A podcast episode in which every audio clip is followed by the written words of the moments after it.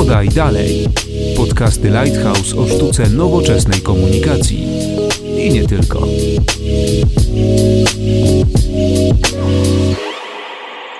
Dzień dobry, Konrad Domański. Zapraszam na trzeci odcinek podcastu Podaj Dalej, w którym poruszymy tym razem temat zdrowia. Podejdziemy do niego jednak od nietypowej strony, bo zastanowimy się, jak praca w zdrowiu wygląda z perspektywy dziennikarza i PR-owca.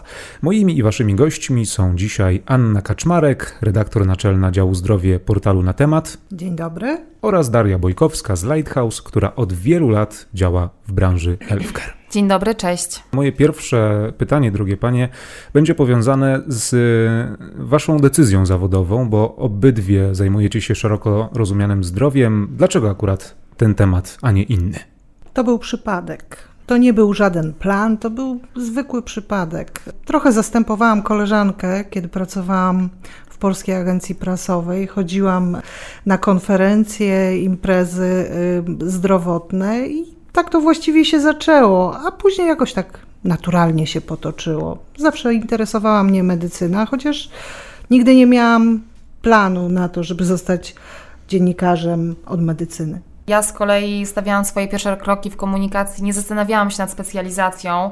Próbowałam swoich sił e, w branży energetycznej. 9 lat temu zaczęłam obsługiwać e, Gazprom ze względu na znajomość języka rosyjskiego. Zresztą to była bardzo ciekawa historia. No ale wracając do tematu, e, po dwóch latach przeszłam do innej firmy doradztwa komunikacyjnego której tak naprawdę przekonałam się po raz pierwszy, co to znaczy praca dla innowacyjnego sektora farmaceutycznego. Miałam przyjemność obsługiwać firmę, która odgrywa kluczową rolę w leczeniu pacjentów żyjących z HIV. W ramach przeróżnych projektów realizowałam kampanie edukacyjne skierowane zarówno do decydentów, jak i organizacji pacjenckich.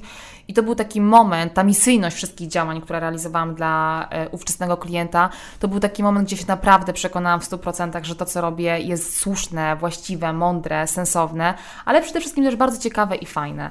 I od tamtego czasu niezmiennie, od 7 lat już właściwie, realizuję projekty dla firm sektora innowacyjnego przemysłu farmaceutycznego, ale także dla instytucji działających w obszarze ochrony zdrowia. Czy, a może bardziej, dlaczego zdrowie jest tak fascynujące? Bo zdrowie jest ważne dla nas wszystkich. To jest po prostu podstawa. Nie możemy być szczęśliwi, jeśli nie jesteśmy zdrowi. I to interesuje każdego. Każdy kiedyś tak naprawdę będzie pacjentem, nawet lekarz chorujemy, tak, wszyscy, jedni, jedni bardziej, drudzy mniej, ale gdzieś tam coś nam się zawsze zdarza. I każdy, kto kiedyś nie domagał zdrowotnie, wie, że tak naprawdę właśnie zdrowie jest w życiu najważniejsze. W związku z tym, że jest najważniejsze, to też wzbudza najwięcej emocji. Przedmiot rozmów na, na niedzielnych obiadach u mamy, ale również przedmiot debat politycznych na ministerialnym poziomie. To jest temat również fascynujący ze względu na taką codzienną pracę dla sektora innowacyjnego przemysłu farmaceutycznego. Obsługując przeróżnych klientów, tak naprawdę, oczywiście y, to zabrzmi bardzo patetycznie i wiadomo, że chodzi tak naprawdę o to, żeby zrealizować cele biznesowe, ale tak naprawdę na koniec dnia zawsze jest ten pacjent. I ta misyjność, ta edukacja, edukacja społeczeństwa, promowanie pewnego rodzaju aktywności, słusznych idei na rzecz wartości, jak się okazuje, istotnym dla każdego z nas. Zresztą powiedziałaś, że zdrowie jest najistotniejsze, najważniejsze dla każdego z nas. Jest absolutnie fascynujące. A po trzecie, temat zdrowia jest tematem niezwykle szerokim. To jest temat, który przenika do przeróżnych branż. Tutaj warto podkreślić fakt, że ochrona zdrowia, szczególnie ostatnimi czasy, tworzy synergię z sektorem e, innowacyjnych technologii, nowych technologii technologii. Tutaj przykład może być firmy farmaceutycznej, która poprzez transfer know-how i też rozwój nowych technologii ma ogromny wpływ na rozwój inteligentnej reindustrializacji, więc te wszystkie tematy tak naprawdę sprawiają, że ten temat jest niezwykle aktualny, fascynujący, dotyczący każdego z nas, więc myślę sobie, że zawsze będzie na czasie. O zdrowiu wydaje się, że każdy z nas y, może coś powiedzieć. Y, miliony Polaków, milionom Polaków wydaje się, że idealnie znają się na zdrowiu, często nawet lepiej od lekarzy, ale ten problem y, rozumieniu specyfiki branży farmaceutycznej może polegać na złożoności tego sektora? To jest bardzo ciekawe pytanie, bo rzeczywiście jest tak, że przedmiotem działalności e, firmy z tego sektora jest ochrona zdrowia i życie pacjenta. W związku z tym ta branża, jak żadna inna, tak naprawdę jest bardzo mocno regulowana. Tutaj właśnie mówię o prawie farmaceutycznym, które reguluje pewnego rodzaju aktywności skierowane przede wszystkim do pacjentów, do opinii publicznej, ale również do tych wszystkich obostrzeń dochodzą również e, różne różnego rodzaju regulacje wynikające z działalności modelu biznesowego danej firmy, czyli prawo farmaceutyczne plus e, compliance e, danej firmy farmaceutycznej, to wszystko sprawia rzeczywiście, że ten sektor jest bardzo mocno regulowany, co rzeczywiście poniekąd wpływa na e, sposób i rodzaj komunikacji. Te regulacje właściwie z jednej strony są błogosławieństwem, bo pozwalają po prostu komunikować w pewnym sensie jasno, uczciwie pewne tak rzeczy. Natomiast oczywiście są też ograniczające, dlatego że czasami pewnych rzeczy nie wolno napisać, powiedzieć, bo tego jak gdyby zabrania nam e, obowiązujące prawo. Z drugiej strony trzeba pamiętać, że przemysł farmaceutyczny to jednak jest przemysł i może gdyby nie te regulacje, próbowałby bardziej, nie wiem, wpływać na media chociażby, a tak mamy tutaj pewien porządek. To prawda, rzeczywiście jest tak, że mm, regulacje i ograniczenia rzeczywiście utrudniają komunikację. Mówię tutaj o pewnych narzędziach komunikacyjnych, dzięki którym tak naprawdę mielibyśmy większą szansę w dotarciu z pewnymi przekazami do pewnych grup odbiorców. Ale z drugiej strony to, co Ania powiedziałaś, że mm, te regulacje, opostrzenia wyśrubowane czasami bardzo mocno również nas dyscyplinują. To znaczy, Dokładnie. tutaj nie ma licencji poetyki, my nie możemy zrobić tego i tego, co nam się żywnie podoba, tylko rzeczywiście musimy trzymać się pewnych e, ograniczeń, pewnych regulacji, które właśnie porządkują i dyscyplinują komunikację i wtedy rzeczywiście mamy mm, większą szansę w dotarciu do, do pacjenta z konkretnym przekazem zgodnie e, z pełną odpowiedzialnością. Dokładnie. Z drugiej strony mamy też e, internet, a internet, jak wiadomo, żyje swoim życiem. Ja nawet spotkałem się jakiś czas temu z wpisem blogowym e, w z wpisem, który był powiązany z dietami. No, a dieta, jak wiadomo, odgrywa ważną rolę w, naszym codziennym funkcjonowaniu i, i, zdrowiu. I z tego wpisu, ogólnie z tego artykułu, który się pojawił, wynikało, że y, nie wiem, czy to amerykańscy badacze, wiadomo, że jak ktoś coś bada, to najczęściej są to amerykańscy badacze, y, wykazali, że 9 na 10 diet podawanych przez blogerów jest błędnych. No właśnie, dlatego pisanie e, o zdrowiu jest czymś tak bardzo odpowiedzialnym. Szczególnie w dobie internetu, w dobie mediów społecznościowych, gdzie każdy może napisać co chce i każdy e, może dawać różne recepty na zdrowie czy na zgrabną sylwetkę. Tak? Komunikacja w zdrowiu jest bardzo ważna, musi być bardzo odpowiedzialna dlatego że od tego zależy zdrowie, dobre samopoczucie wielu ludzi, którzy po prostu nas słuchają. Słuchają, czytają i robią rzeczy, które im podpowiadamy. Nie możemy mówić byle czego, nie możemy mówić głupot, nie możemy mówić niezgodnie e, z najnowszą wiedzą medyczną. Po prostu jest to nieodpowiedzialne. Jesteśmy potrzebni, żeby odsiewać te złe rzeczy, które mogą niekorzystnie wpływać na zdrowie odbiorców. Niestety pojawia się coraz więcej filmów, e, publikacji, pseudoekspertów, którzy no, mają za sobą rzesze ludzi wierzących w te alternatywne często metody leczenia na przykład? Niestety nie unikniemy tego. Tak jak już mówiłam, każdy teraz jest ekspertem od zdrowia, a tak naprawdę wiele osób zamiast do lekarza idzie do doktora Google'a. Natomiast możemy nauczyć społeczeństwo trochę odsiewać te głupoty, te nieprawdziwe informacje, nauczyć korzystać z internetu w kwestiach zdrowotnych, tak żeby było to na plus, a nie na minus e, dla tych osób. Zresztą dziennikarze zdrowotni bardzo często piszą, apelują, mówią o tych mitach, robią wszystko po prostu, e, żeby odbiorcy nie wierzyli w, w te niesprawdzone metody, rzeczy. Zresztą to bardzo często jest tak, że ktoś próbuje na nas zrobić zwyczajnie biznes. Dobrze, że o tym rozmawiamy, bo to jest też taki ciekawy temat pod kątem tych pokutujących i wciąż istniejących stereotypów na temat branży farmaceutycznej, z czym się oczywiście musimy mierzyć, skoro mówimy o wyzwaniach i szansach w komunikacji tematów zdrowotnych. Chodzi przede wszystkim o, o to, że jeśli my wszyscy interesujemy się zdrowiem, ponieważ jest to dla nas najistotniejsza kwestia, to tak naprawdę o tym zdrowiu mówimy na wszelakie sposoby, a to moim zdaniem implikuje również e, i pogłębia niekiedy wrogość do firmy farmaceutycznych, która w cudzysłowie dąży do depopulacji naszej planety. I to są niestety tematy bardzo sexy i w przypadku osób, które mają dość znikomą wiedzę na tematy zdrowotne, to są tematy, które e, trafiają na bardzo podatny grunt i to też jest sytuacja, z którą musimy się mierzyć. I... Teorie spiskowe są po prostu modne w tej chwili. Tak jest. Często możemy usłyszeć o złej e, Big Farmie, o próbach depopulacji polskiego narodu. Ja też czasami dostaję takie maile, w których piszą mi, że, że będę odpowiedzialna za depopulację narodu polskiego. Natomiast. A ty no, po prostu chcesz edukować, tak? Bo masz tak, legitymację do tego. Natomiast niestety, no, no takie mamy czasy, takich mamy czasami e, odbiorców, taką mamy modę trochę bo, bo fajnie jest znaleźć teorię spiskową i, i na kogoś zrzucić winę. A prawda jest taka, że jeśli chodzi o przemysł farmaceutyczny, jest to pewna składowa y, całego sektora medycznego, bez której, powiedzmy sobie szczerze, medycyna nie poszłaby do przodu, no bo powiedzmy sobie szczerze, kto, kto wymyśla leki? Kto nad tym pracuje? Kto robi badania? No właśnie ten zły przemysł farmaceutyczny, to dzięki niemu mamy nowe leki, e, dzięki niemu z niektórych e, chorób potrafimy już wyleczyć, z których nie potrafiliśmy jeszcze dekadę temu. Niektóre choroby stały się chorobami przewlekłymi. To nie jest jakieś coś magicznego, tylko po prostu to są badania i wkład przemysłu farmaceutycznego i trzeba się z tym pogodzić, tak? To jest przemysł, tak? Oni zarabiają, ale oni też tworzą rzeczy, które są nam zwyczajnie potrzebne. To jest niesamowite, co mówisz, bo właśnie to jest tak, że ten sektor farmaceutyczny, czyli coś, co tak naprawdę ratuje nam życie, jest też jednocześnie przedmiotem najostrzejszej krytyki. I ta, ta ambiwalencja w tym dyskursie politycznym i takim społecznym e, jest e, niezwykle ciekawa.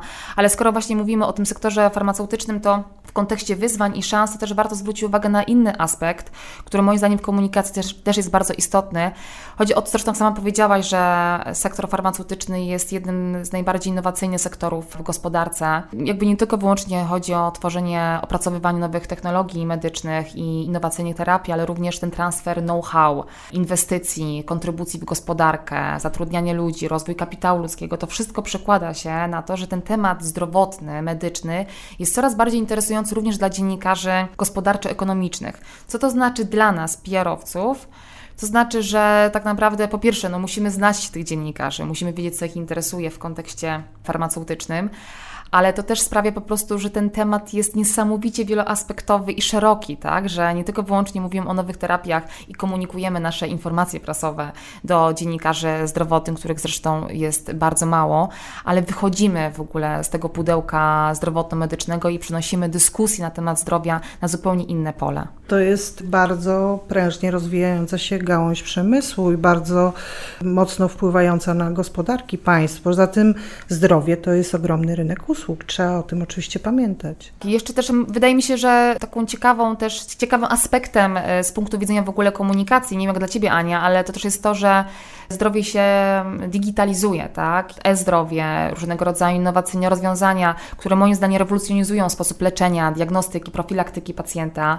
I nie wiem, począwszy od e-recept, telemedycyny, zakończywszy na aplikacjach mobilnych i urządzeniach, które na przykład mierzą parametry zdrowotne, to po raz kolejny pokazuje, jak to zdrowie gdzieś tam wymyka się takiemu standardowemu myśleniu o tym, tylko gdzieś tam zaczyna zahaczyć o inne obszary, na przykład obszar IT co wcześniej moim zdaniem w ogóle jakoś nie było linkowane i nie było widać tej synergii. Teraz widać ją coraz częściej. Dobrze, że mówisz o tych innowacjach, bo tymczasem wielu pacjentów nie umie poruszać się w tym starym, zwykłym systemie ochrony zdrowia, który mamy. Ja bardzo często dostaję od czytelników listy, w których proszą mnie o pomoc, bo nie wiedzą, gdzie skierowanie, do jakiego lekarza, gdzie z tym pójść. Nie umieją sobie radzić w tym, co tak naprawdę funkcjonuje od lat. Tymczasem to wszystko idzie do przodu. I musimy w pewien sposób im pomóc, wytłumaczyć, pomóc odnaleźć się w tej e, nowej rzeczywistości, w tym e-zdrowiu chociażby, mhm. tak, w tej e-recepcie i tak dalej, i tak dalej, bo wielu e, ludzi czuje się po prostu zagubionych w tej rozwijającej się medycynie. A zagubieni są w ogóle w systemie ochrony zdrowia, no bo to jest ciężki temat, a jeszcze jak dołączymy, dodamy ten element technologiczny, to w ogóle ludzie po prostu dostają...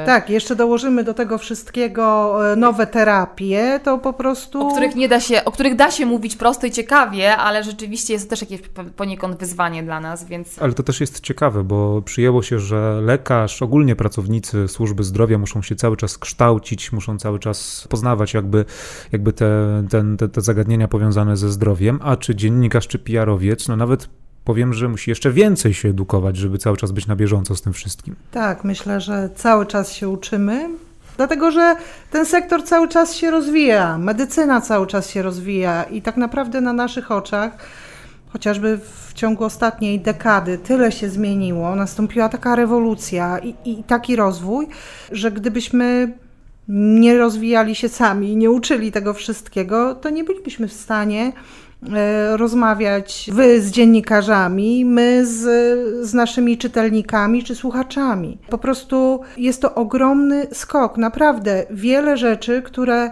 było niemożliwe w medycynie jeszcze kilka lat temu, dzisiaj jest stosowane powszechnie.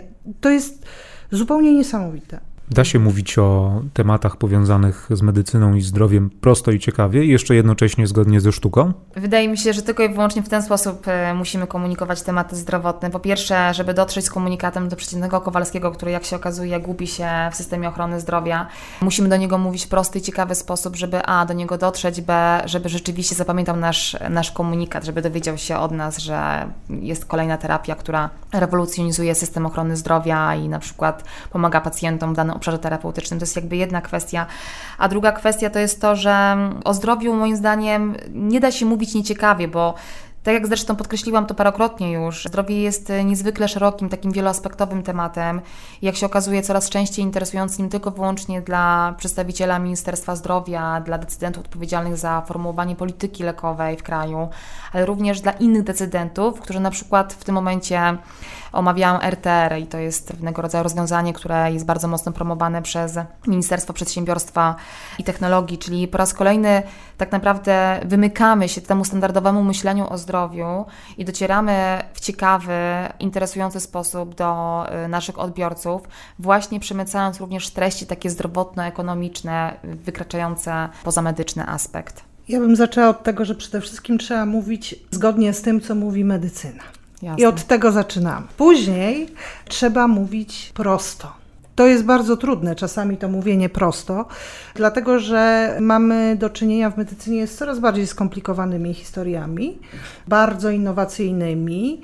Najpierw trudno nam, dziennikarzom, jest zrozumieć, a później jeszcze musimy to w jakiś sposób przystępny przekazać odbiorcy. Natomiast nie można się bać mówić prosto o medycynie, aby to było zgodne z nauką. Ja tak przynajmniej uważam. I wtedy jest to ciekawe, bo to, co się dzieje w tej chwili w medycynie, jest naprawdę bardzo ciekawe. Ja często, jak piszę artykuł, zaczynam od human story, od historii pacjenckiej.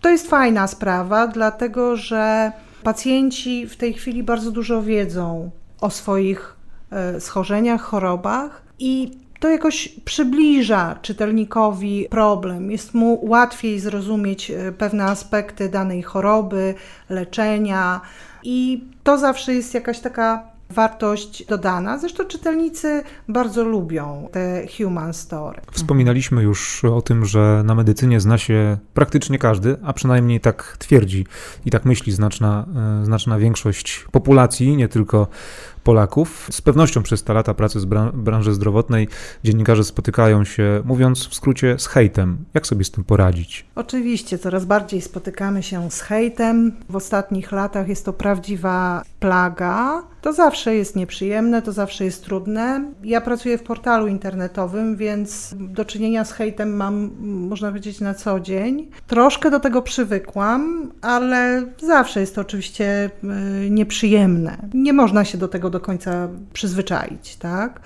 Wynika ten hejt bardzo często z tego właśnie, że istnieją pewne grupy, które na opowiadaniu różnych niezgodnych y, ze sztuką medyczną historii, niezgodnych z nauką, próbują zarobić chociażby. Jeśli tłumaczymy, że to jest nieprawda, no to oczywiście narażamy się na pewne ataki. Natomiast ja naprawdę zawsze piszę tak, jak mówi nauka, piszę tak, jak czuję. Chcę po prostu przekazać jak najbardziej tą wiedzę, którą posiadam.